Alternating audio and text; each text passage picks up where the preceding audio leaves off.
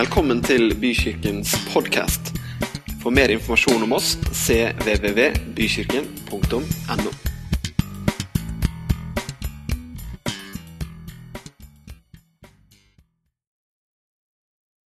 på dette. Nå står de selvstendig, sånn som noen romanserier gjør. Du kan liksom lese bøkene hver for seg eh, uten å ha lest den forrige, men allikevel kan det hende at du får lyst til å få med deg den. For jeg har snakka litt om veier. Vi starta med å snakke om at eh, alt er på vei et sted. Til og med når vi føler at livet står stille, så beveger det seg i en eller annen retning. Ekteskapet vårt, relasjonene, karrieren, vårt åndelige liv. Alt er på vei et eller annet sted. Og Forrige søndag så snakka vi om retningen. Hvordan retningen var helt avgjørende hvis vi faktisk skulle nå fram til et mål en gang. Da må man nemlig stake ut retningen. Har du lagt merke til en ting at hvis du, hvis du, hvis du, skal, eh, hvis du skal konstruere en vinkel og gjør det litt unøyaktig Nå er vi tilbake i mattetimen. Alle er med?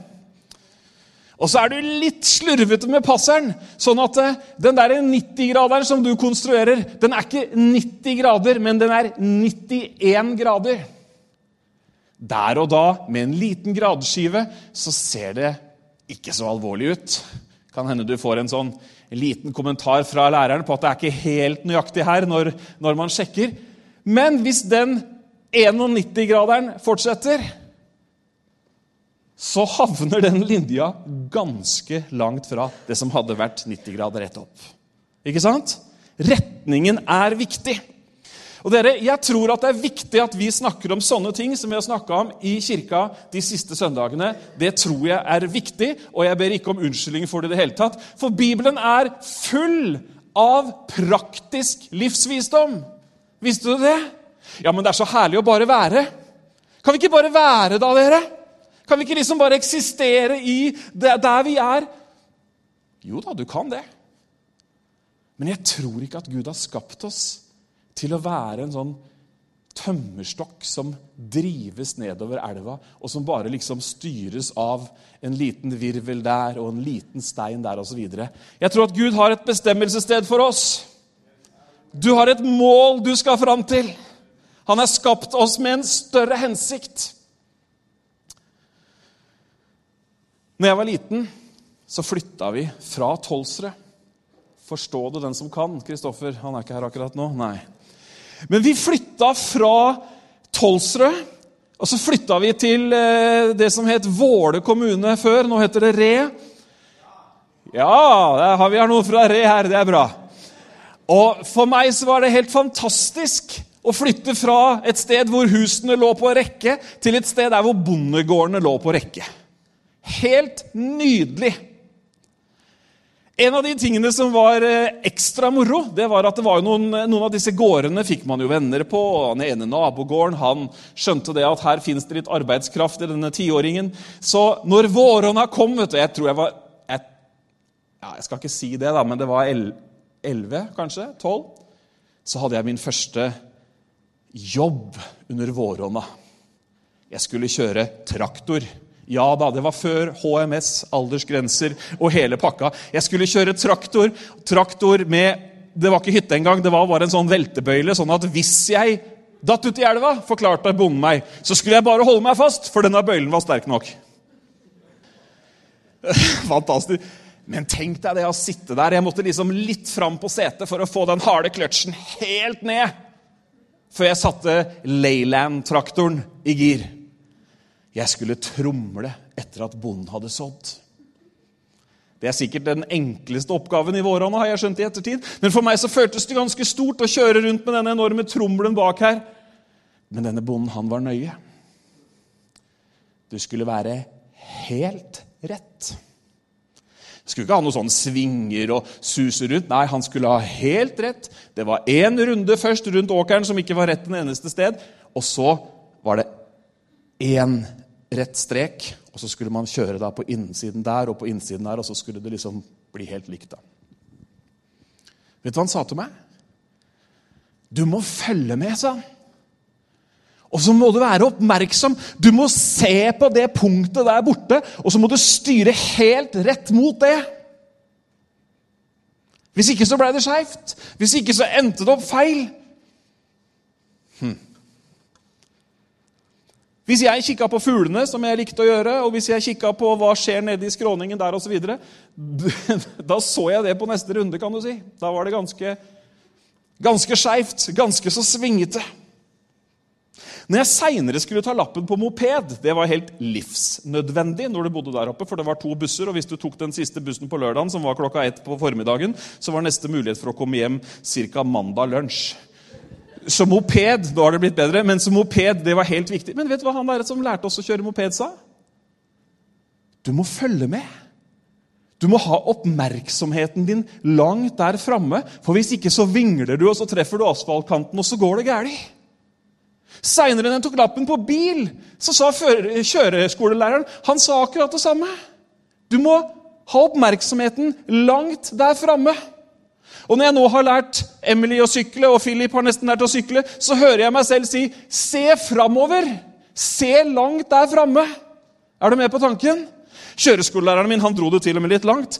Han sa nemlig det at hvis du, hvis du ser på bilene du møter, da er det en sjanse for at du trekkes mot bilene, sånn at du faktisk kan treffe dem. Det er ikke bra. Har du vært ute og kjørt med noen en gang som er veldig opptatt av alt annet enn veien? Altså Du sitter på, og den personen er opptatt av alt annet enn veien. Oi, se på den hesten, da! Den var fin! Ja, bare hold fila di, du. Eller jeg lurer på hva de holder på å bygge her, eller, eller. Jeg har noen sånne jeg kjenner som er veldig oppmerksom på veien sikkert også, men alt mulig annet. Det er ikke veldig gøy å sitte på med dem i det hele tatt. Noen som er med på tanken? Får, eneste du får fart på i sånne turer, det er ditt eget bønneliv.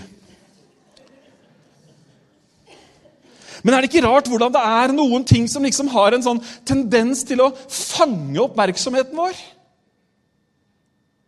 Vi snakker litt om oppmerksomhet. Noen ganger så kommer vi inn i et rom, eller noen ganger så kommer noen andre inn i et rom, eller noen ganger så kommer vi inn i et eller annet spesielt sted, og så er det noe der som umiddelbart fanger oppmerksomheten vår. Morsomt uttrykk. Fange oppmerksomheten. Vi har et annet uttrykk som er litt sånn beslekta. Altså, altså, hun bare stjal oppmerksomheten min. Julia gjorde det. Hun bare stjal oppmerksomheten min. Åh. Plutselig så kunne man ikke unngå å legge merke til Julia er kona mi, for dere som begynner å kikke rundt i salen. Hun sitter der.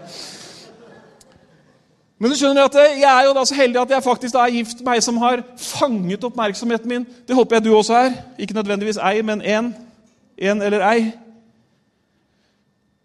Kanskje du til og med bor i noe som fanget oppmerksomheten din.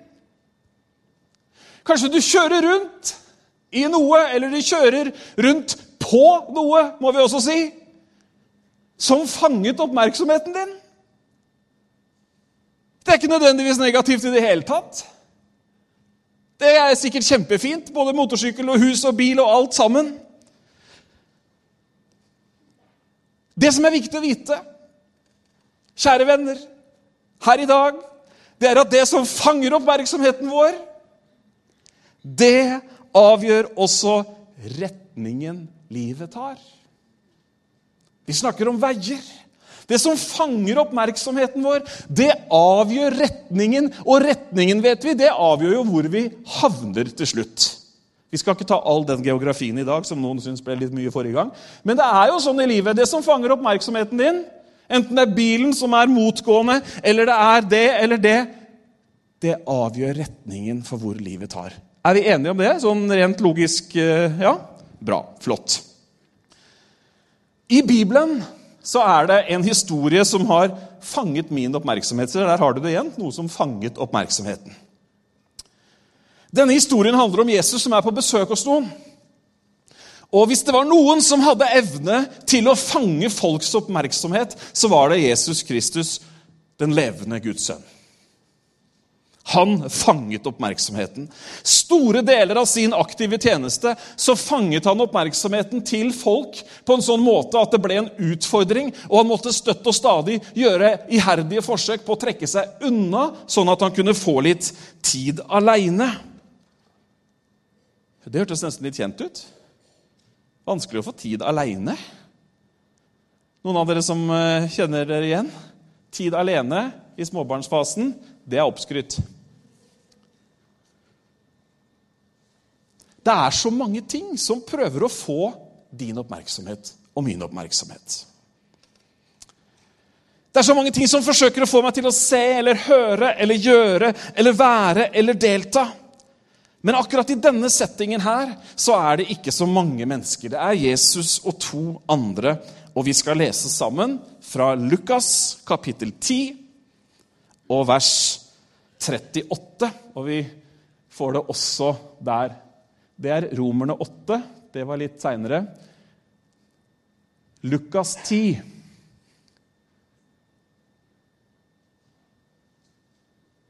Den er kanskje ikke der?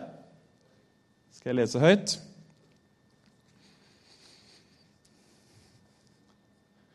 Jeg leser fra Lukas 10, 38. Da de dro videre, kom han til en landsby der en kvinne som het Martha, tok imot ham i huset sitt.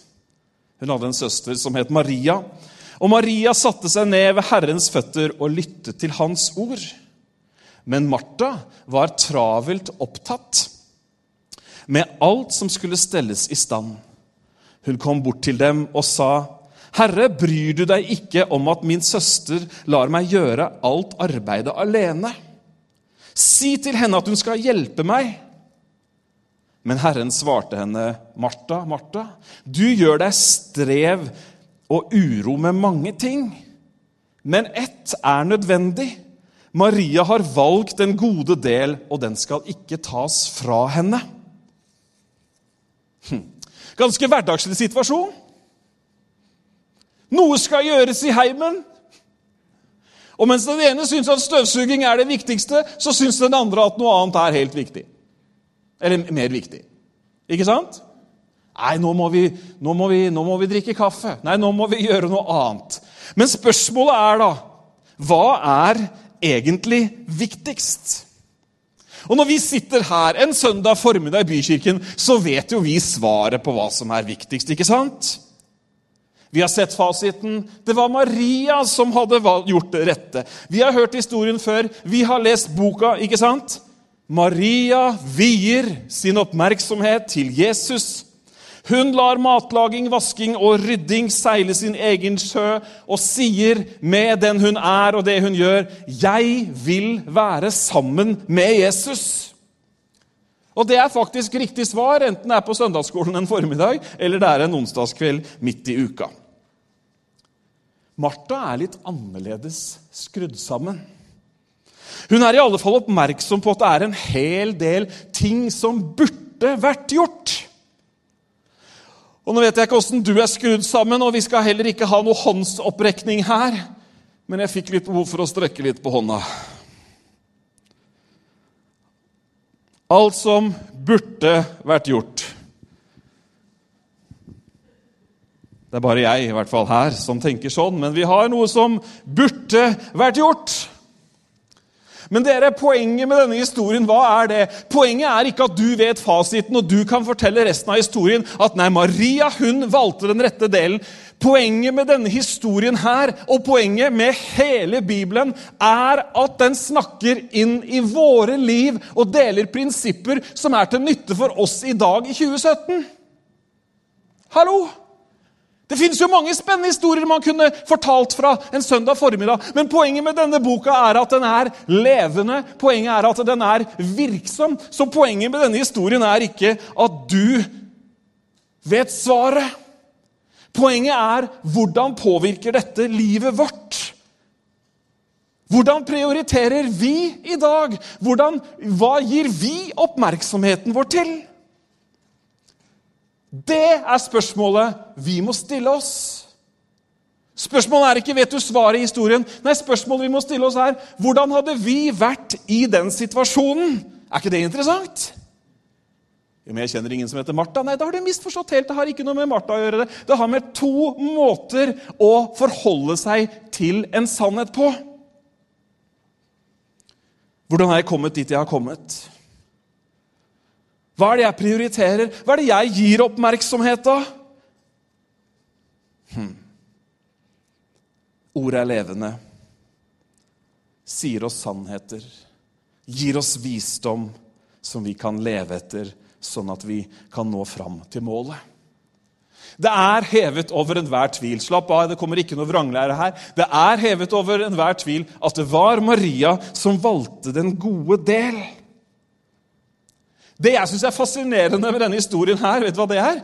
Det er hva Martha gjør. Hvis du tenker på hvem du har i huset, hvis du tenker på hvem som faktisk var der Det var jo Jesus sjøl. Herren, Frelseren. Jeg syns det er fascinerende at hun har mot til å fortelle Jesus hva han burde gjøre. Har du tenkt på det når du har lest denne historien? her? Jeg synes det er helt fantastisk. Du, Jesus, nå skal du høre her litt. Ser du ikke problemene? Nå er det sånn at Jeg mener at vi faktisk burde ha delt på arbeidsoppgavene her. Kan ikke du si til Maria, da, du som tydeligvis hun hadde jo en forståelse for at Jesus hadde gjennomslagskraft, påvirkning og tilstedeværelse Nå syns jeg at du skal si til henne at nå må hun hjelpe meg. Og gjøre det som jeg mener at er viktig.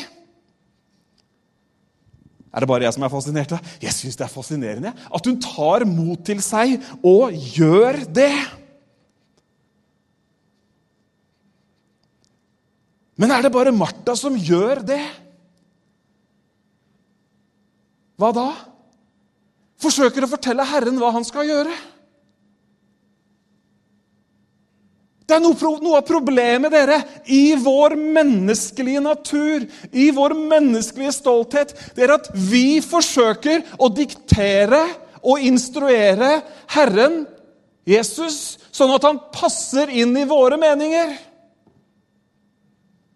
Unnskyld at jeg er litt direkte, men vi, vi, lever i en kultur hvor det du tror, det er fint for deg. Tilpass det. Altså folk, har du hørt hvordan folk blander religioner og tar elementer fra ulike ting nå? Bare fordi at de gjør som Martha. Nå skal du høre her, Jesus, at sånn er du for meg. Men Gud, han er uten begrensning. Og jeg kan sikkert spare deg for mange runder hvis du hadde tenkt å putte Gud inn i en boks eller putte Jesus innenfor visse rammer. Du kan bare la det være, for det kommer egentlig aldri til å gå. Men Martha prøver. Herre, bryr du deg ikke om at min søster lar meg gjøre alt arbeidet alene? Si til henne at hun skal hjelpe meg.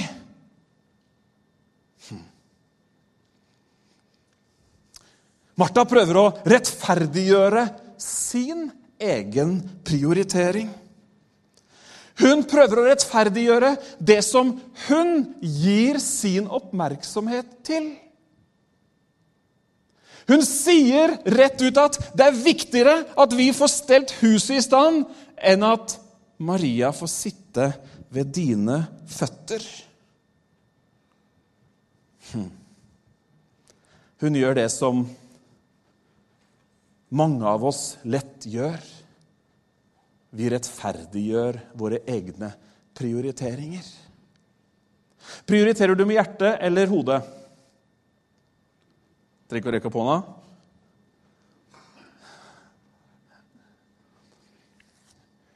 Veldig mange, veldig mange, har både hode og hjerte med, men, men, sånn som det her foregår det for veldig mange mennesker. Meg selv inkludert, i hvert fall noen ganger. I hvert fall hvis du spør Julia. Hjertet står for på en måte avgjørelsen. Vi sier 'Det har jeg lyst til'. Ikke sant? Eller 'Det har jeg lyst på'. Eller 'Det vil jeg gjøre'. Og etter, etter vi har gjort, har fatta den beslutningen, så sender vi hjernen ut på sånn rettferdiggjørings-forklaringsoppdrag. Jeg sparte mye penger på det. skjønner du. Altså, Du skulle bare vite hvor mye jeg har spart på at jeg gjorde det sånn. Altså, Er dere med på tanken? Vi har lyst til et eller annet, og så sender vi hjernen ut. Og noen ganger når hjernen kommer tilbake med forklaringer, så er de så tynne at jeg skulle ønske at vi hørte hva vi sjøl egentlig sa når vi forklarte den prioriteringen som vi hadde gjort basert på følelser og hjerte. Hallo? Nå ser jeg at noen ikke er så glad i meg lenger, og det var ikke meninga i det hele tatt. Jeg bare prøver å fortelle litt sånn folkelig psykologi hvordan, hvordan vi funker. Altså, det, det, er null problem for meg. Jeg har prøvd det en gang.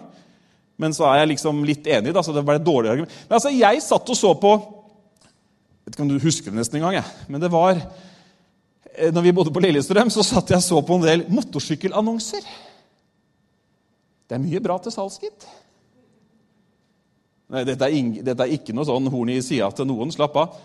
Men poenget var bare at jeg hørte meg selv Altså, hjertet Å, cruise rundt på den, da. Altså, jeg formelig altså, Det var jo som om landskap og svinger og alt bare liksom inntok hele meg. Det var jo helt nydelig. Jeg, jeg var på den sykkelen. Og så måtte jeg liksom da prøve å Ja, nei, du skjønner at uh, det er bra for uh, menn å ha noe å holde på med, og det er et dårlig eksempel med motorsykkel, men du er med på tanken. Hjertet. Ta beslutningen, og så sender vi hjernen ut for å skaffe forklaring. Ja da. Tror ikke jeg trenger å utbrodere den. I hvert fall ikke for meg selv.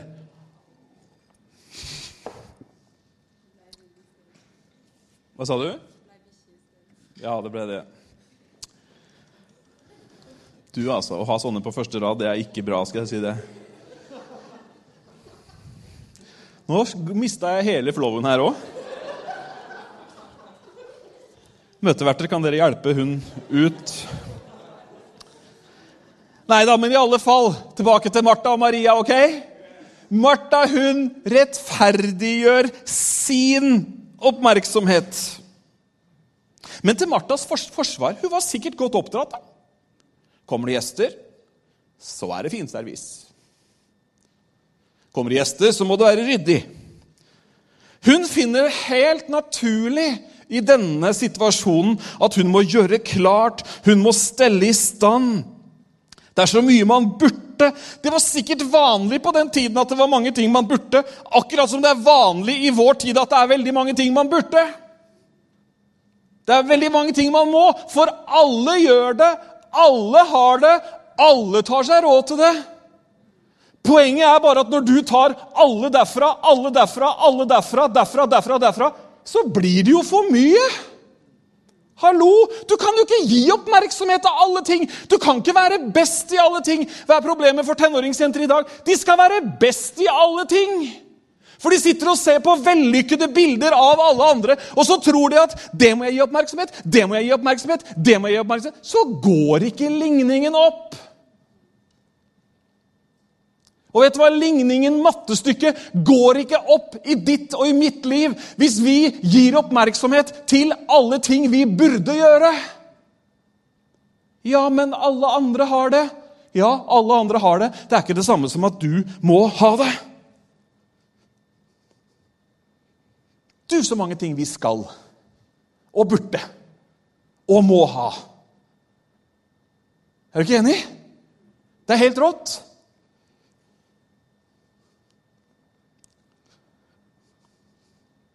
Det er krevende. Alle vil ha oppmerksomheten vår.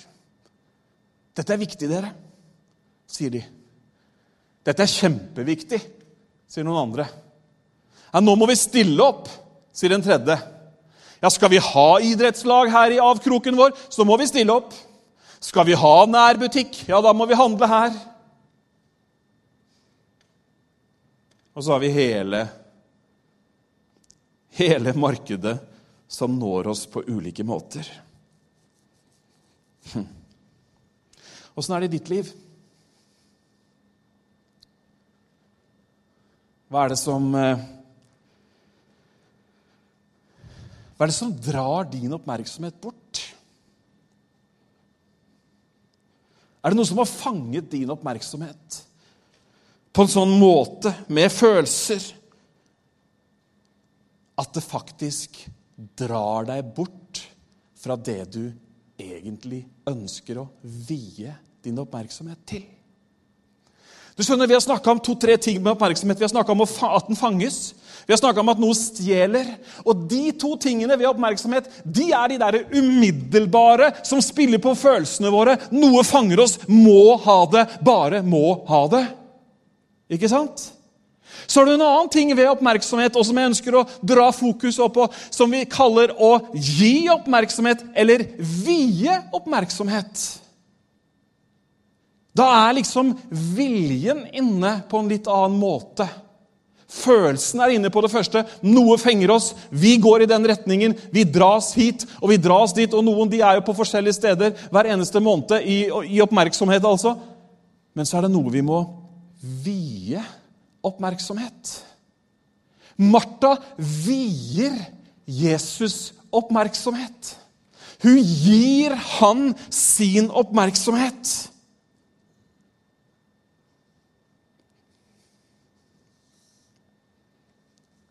Og nå tenker jeg faktisk ikke bare det høres kanskje rart ut å si fra en prekestol, men nå tenker jeg faktisk ikke bare på eksempelet med Maria som sitter og bruker tid med Herren. Det er andre ting i livet ditt også som du og jeg trenger å vie oppmerksomhet. Vi skal komme tilbake til Martha og hennes tid med Herren, men det er andre ting som vi trenger å vie oppmerksomhet. Skal vi ta noen praktiske ting? Er du med på det? Vi trenger f.eks. å vie økonomien vår oppmerksomhet. Vi trenger å ikke la den styres av hva som fanger oss, men vi trenger å vie den oppmerksomhet, sånn at vi kan leve gode liv og ikke være helt impulsstyrt og fanget i kortsiktig kredittkortgjeld. Vil du ha en ting til? Vi trenger å vie ekteskapene våre oppmerksomhet. Og Da hørte jeg alle som var gift, si et rungende ja. Vi trenger å vie det oppmerksomhet. Det betyr at kanskje vi har vært gift så lenge at ikke konas inntreden i rommet fanger deg som før. Kanskje ikke mannen din lenger stjeler oppmerksomheten din bare han åpner munnen. Det gjør ikke jeg lenger, i hvert fall. Da må vi vie det oppmerksomhet. Spørsmålet er, dere, i våre liv Og jeg har ikke fasitsvaret for deg, du har svaret. Er det noen ting som tar min oppmerksomhet bort fra de tingene som jeg egentlig vet at den burde vært gitt til? Er det noen som konstant kjemper, noen eller noe, som konstant kjemper om din oppmerksomhet, og det de møtes med hver eneste gang, er en serie av unnskyldninger?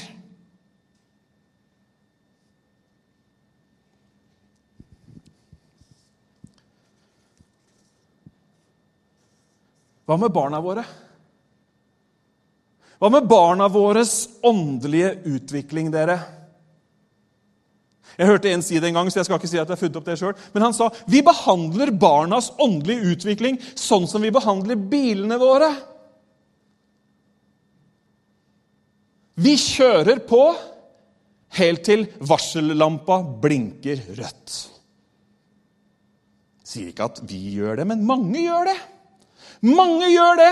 Man lar det skure gå. Alt går bra til slutt. Det har vi brukt et par søndager på å si. Alt går ikke bra til slutt. Siter i hvert fall aldri meg på det. Det er ikke sånn at det bare går bra, for alt går bra. Nei, sånn er det ikke. Vi tror på å ikke vente til varsellampene blinker. Og nå er det krise. Det står det, vet du, i hvert fall i manualen på min bil. Hvis visse lamper begynner å lyse, så står det at jeg må stanse bilen umiddelbart. Andre ganger så står det at jeg kan kjøre til nærmeste verksted. Vet du hva vi tror på?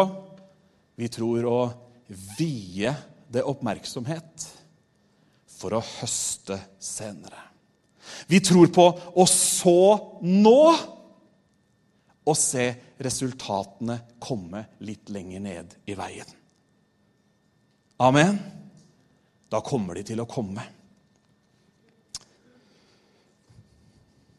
Vi skal lese et vers som dere ikke har på veggen. Oi, som klokka går. Skal vi se.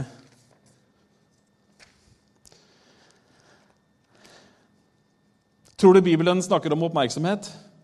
Og den snakker så mye om det at det nesten er litt sånn påfallende. Når du leser visdomsbøkene, ordspråkene og, og Forkynneren osv., så, videre, så er det jo en hel rekke steder hvordan kong Salomo bl.a. forteller oss at dere Rett oppmerksomheten din på det rette stedet. Se langt fram. Sikt. Invester. Du skal få bli med meg til Salme 119. Er du fortsatt med? Er det nyttig, eller? Det er bra.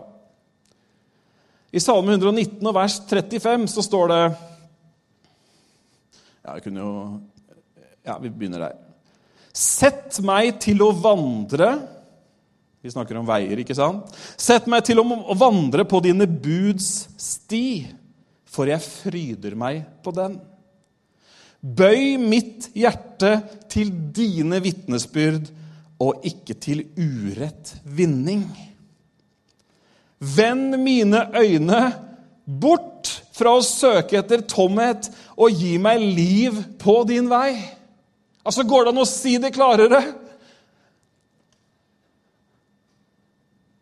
Kjære Jesus, hjelp oss, sånn at ikke vi ser så ikke vi gir oppmerksomheten vår til noe som bare er tomhet, og som varer kort tid. Men hjelp oss til å vende øynene mot deg. Da finner vi liv, dere. Da finner vi liv.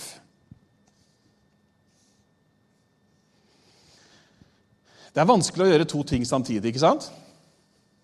Ja, Jeg vet da at eh, det kommer protester umiddelbart fra den kvinnelige delen av forsamlingen, men det er nå en gang sånn at det er litt vanskelig å gjøre to ting samtidig. Nei? Ok, Da retter vi manuset, og så skriver, så skriver jeg heller Bent Ove syns at det kan være vanskelig å gjøre to ting samtidig. Faktum er at man kan ikke alltid gjøre to ting samtidig. Eller flere ting, for den saks skyld.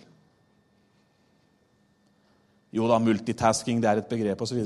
Men du kan f.eks. ikke gå til høyre og til venstre samtidig. Kan du det? Nei. Du kan ikke gå framover og bakover samtidig heller. Det er noen sånne veiskiller, ikke sant? Det er noen valg vi må ta. Hva skal vi gi oppmerksomheten? Bibelen snakker om disse høyre og venstre, snakker om lys og mørke, snakker om Gud og penger. Men dere tilbake til historien. Jeg har ikke glemt verken Martha, Maria eller Jesus. Husker du historien fortsatt? Ja, du husker den, og du kan jo fasiten også. En annen ting som er litt fascinerende, er jo hva Jesus svarer. Det var ganske fascinerende at Martha tok seg frihet til å instruere Herren om hva han skulle si. Men det er ganske interessant å se hva Jesus svarer også. Det er forresten alltid interessant å se hva Jesus svarer når han møter mennesker. Gjennom hele evangeliene. Altså Han kommer med noen svar som bare sånn Jaha, var det det du svarte nå? F.eks. når Martha sier Herre, nå syns jeg du skal fortelle søstera mi at hun også må hjelpe til. Kan du ikke si det rett til henne? Så kunne han, jo, kunne han jo ha sagt du, Maria, nå skal du høre her at det er hyggelig å prate med deg, men dere, nå, nå, nå tror jeg du går inn på kjøkkenet og så hjelper du Martha, sånn at vi får, får, dette som vi burde gjøre og må gjøre, og som alle gjør, sånn at vi får det i stand. Ikke sant? Og så utsetter vi liksom vår prat litt til. Det kunne han jo ha spart. Kunne han ikke det? Perfekt unnskyldning! Perfekt måte å komme seg unna Maria på! Det perfekte argument for å droppe akkurat det de gjorde. Men det er jo akkurat det han ikke gjør. Vi mennesker vi har en hel sånn rekke unnskyldninger. Vi har en rekke årsaker til å utsette det viktigste. Fikk behov for å strekke meg igjen. Som en tegn på Altså, Jeg skal ikke ha noen håndsopprekning, men jeg tror at det ikke er så himla annerledes enn alle andre. Vi utsetter det viktige.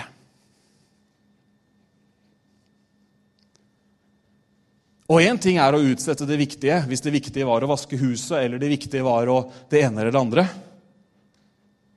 Men her gir Jesus null slingring. Her rikker han seg ikke, dere. Burde han ikke bare for husfredens skyld da, sagt ja vel, jeg skal slippe alt vi har i hendene, og så skal vi få i gang støvsugeren, og så skal vi gjøre det som vi bare burde gjøre? Hadde ikke det vært svaret? Nei, jeg må bare det, jeg må bare det, jeg må bare det. Så serverer vi en hel rekke unnskyldninger som vi vet at ikke engang er gode nok. Men så utsetter vi det viktigste. Vi gir oppmerksomheten vår til noe annet. Guilty. Og det tror jeg at et par andre også er. Men hvordan møter Jesus disse argumentene? Hvordan møter han burde, burde? Hvordan møter han må gjøre, bare må gjøre?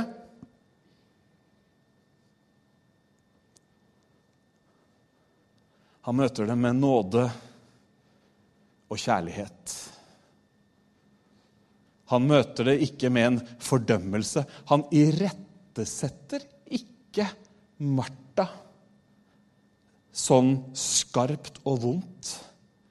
Men derimot så mener språkforskerne at nettopp fordi han sier navnet to ganger, sånn som han gjør det, ordene han velger osv., tyder på at her er det Guds kjærlighet og nåde som sier, 'Martha, Martha'. Du gjør deg uro og strev med så mange ting. Men Maria, hun har valgt den gode del. Fascinerende nok en gang hvordan Jesus møter situasjonen. Nok en gang, dere. Vi leser ikke denne historien fordi vi skal brife med fasiten. Men vi tar fram denne historien denne søndagen fordi jeg tror den sier noe til deg, akkurat som den har sagt noe til meg.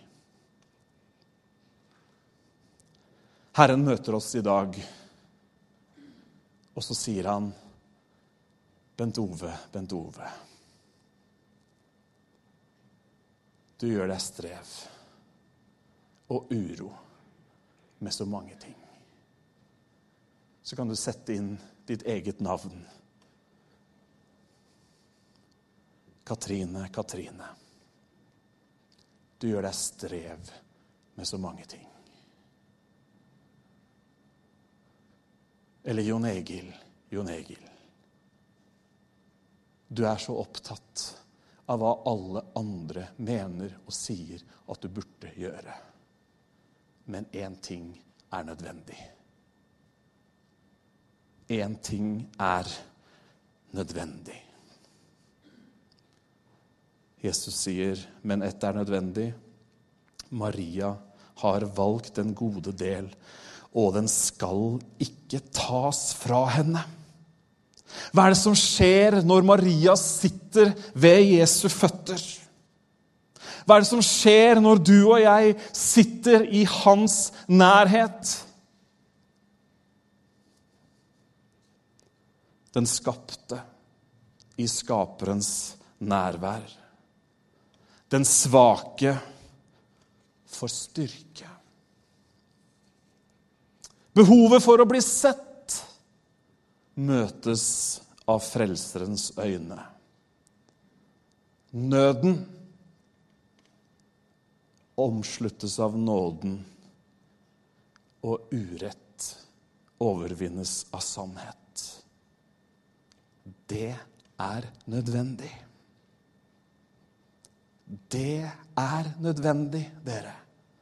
Blant alle ting som prøver å få din oppmerksomhet, så husk på disse tre ordene. Ett er nødvendig. hjelper oss i prioriteringene. Hjelper oss i fokus. Ett er nødvendig. Hm. Og så sier Jesus Maria har valgt den gode del, og den skal ikke tas fra henne. Hm. Det er veldig klar tale. Ingenting skal ta det, sier Jesus. Sagt på en annen måte, det er ingenting som er i stand til å rokke ved relasjonen til meg. Det er ingenting som klarer å ta henne bort fra dette livsviktige. Og nå snakker jeg til deg som er troende, og det tror jeg er de aller fleste her i dag. Det er ingenting, Vi snakker ikke om frelsen her, vi snakker ikke når vi snakker om oppmerksomhet og, og prioritering. Men det er ingenting som kan ta deg ut av Guds hånd. Men det er samtidig en invitasjon til å være i hans nærhet. Paulus skriver, dette, skriver, om dette til de kristne i Rom, og han sier Er Gud for oss, hvem er da mot oss? Han som ikke sparte sin egen sønn, men ga ham for oss alle. Kan han gjøre noe annet enn å gi oss alle ting med han? Ett er nødvendig. Ett er nødvendig. Hmm.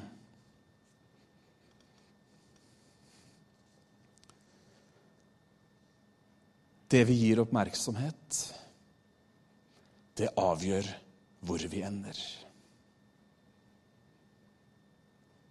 Det vi vier vår tid til, det gir resultater.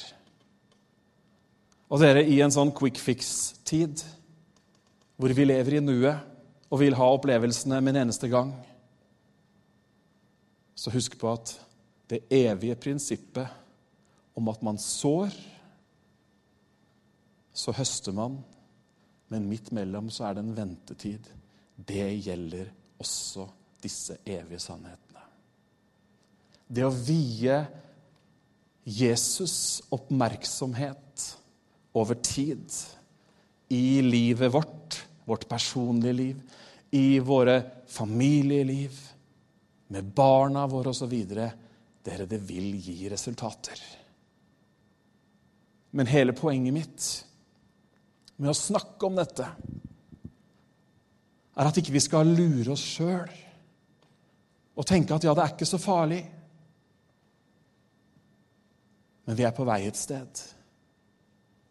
Retningen avgjør hvor vi ender. Og det som fanger oppmerksomheten vår, det er det som bestemmer retningen.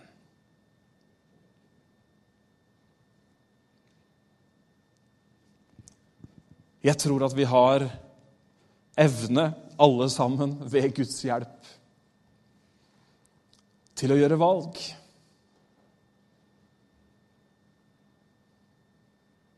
Jeg tror vi har evne til å lese skiltene. Jeg tror vi har evne til å vite om varsellampene, sånn at vi kan unngå de store omveiene. Jeg sa det en annen søndag her at ja, men alt går bra til slutt, sier mange. Og mange får en viss opplevelse av det, men det er også mange som opplever at de har gått en stor omvei. Og som opplever at de bærer på tunge ting gjennom livet.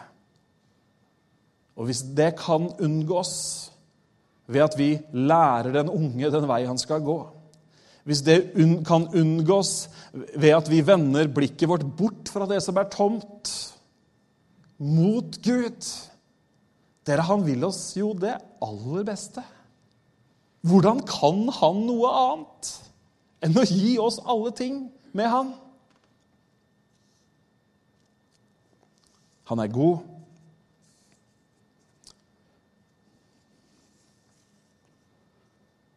Og hvordan skal vi velge den beste veien? Hvordan skal vi gjøre de rette valgene? Sånn i geografien så er jo tips å spørre en kjent mann. Ikke sant? Hvis du virkelig skal fram til akkurat det stedet, da snakker du med noen som har vært der før, eller noen som kanskje til og med har vært der mange ganger før. ikke sant? Da får du, da får du turtipsene. vet du. Da vet du hvor det er lurt å ta pause og det ene og det andre. Det finnes en kjentmann i ditt liv, ikke det geografiske. Det finnes en kjentmann som vet hver eneste krok av den veien du går.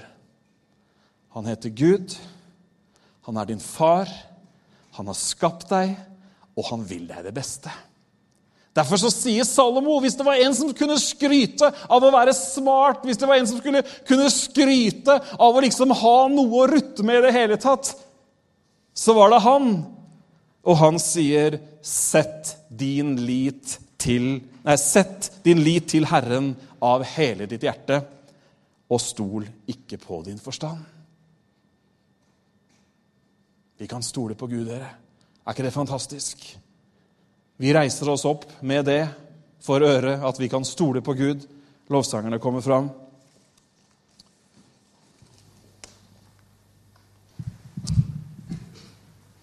Skal vi be sammen? Ta med deg disse ordene. Ta med deg historien om Martha og Maria som historien om vårt eget liv. Og så skal vi be sammen. Skal vi bare rekke hendene til Herren der hvor vi står. Herre, du kjenner oss. Du kjenner alt ved oss. Din kjærlighet til oss, den er konstant. Vi er elsket. Vi er dyrt kjøpt. Og den kjærligheten, den frelste oss ikke bare én dag, men den er også kraftig nok til å lede oss videre på veien med deg. Takk for din ledelse, Herre, i livene våre.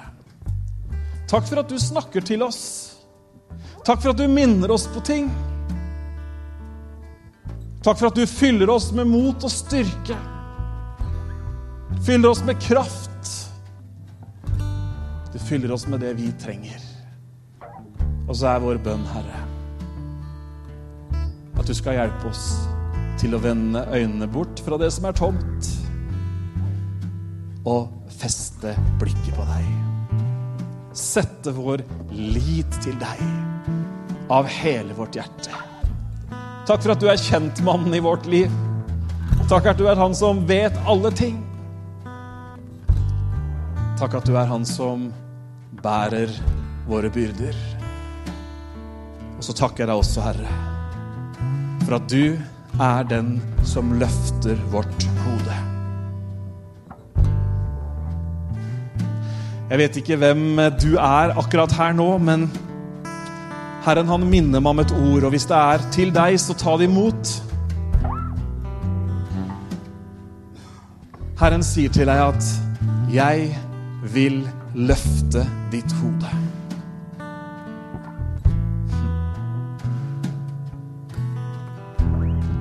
Jeg vil løfte ditt hode. Kanskje du sitter med en sånn tanke når vi snakker om oppmerksomhet, at 'oi, det har jeg ikke gjort, og det har jeg ikke gjort', og det er ikke det som er hensikten i det hele tatt, men allikevel så tenker du 'å, jeg skulle jo, jeg skulle jo'. Men dere, ta imot ordet fra Herren. Jeg er den som løfter hodet ditt.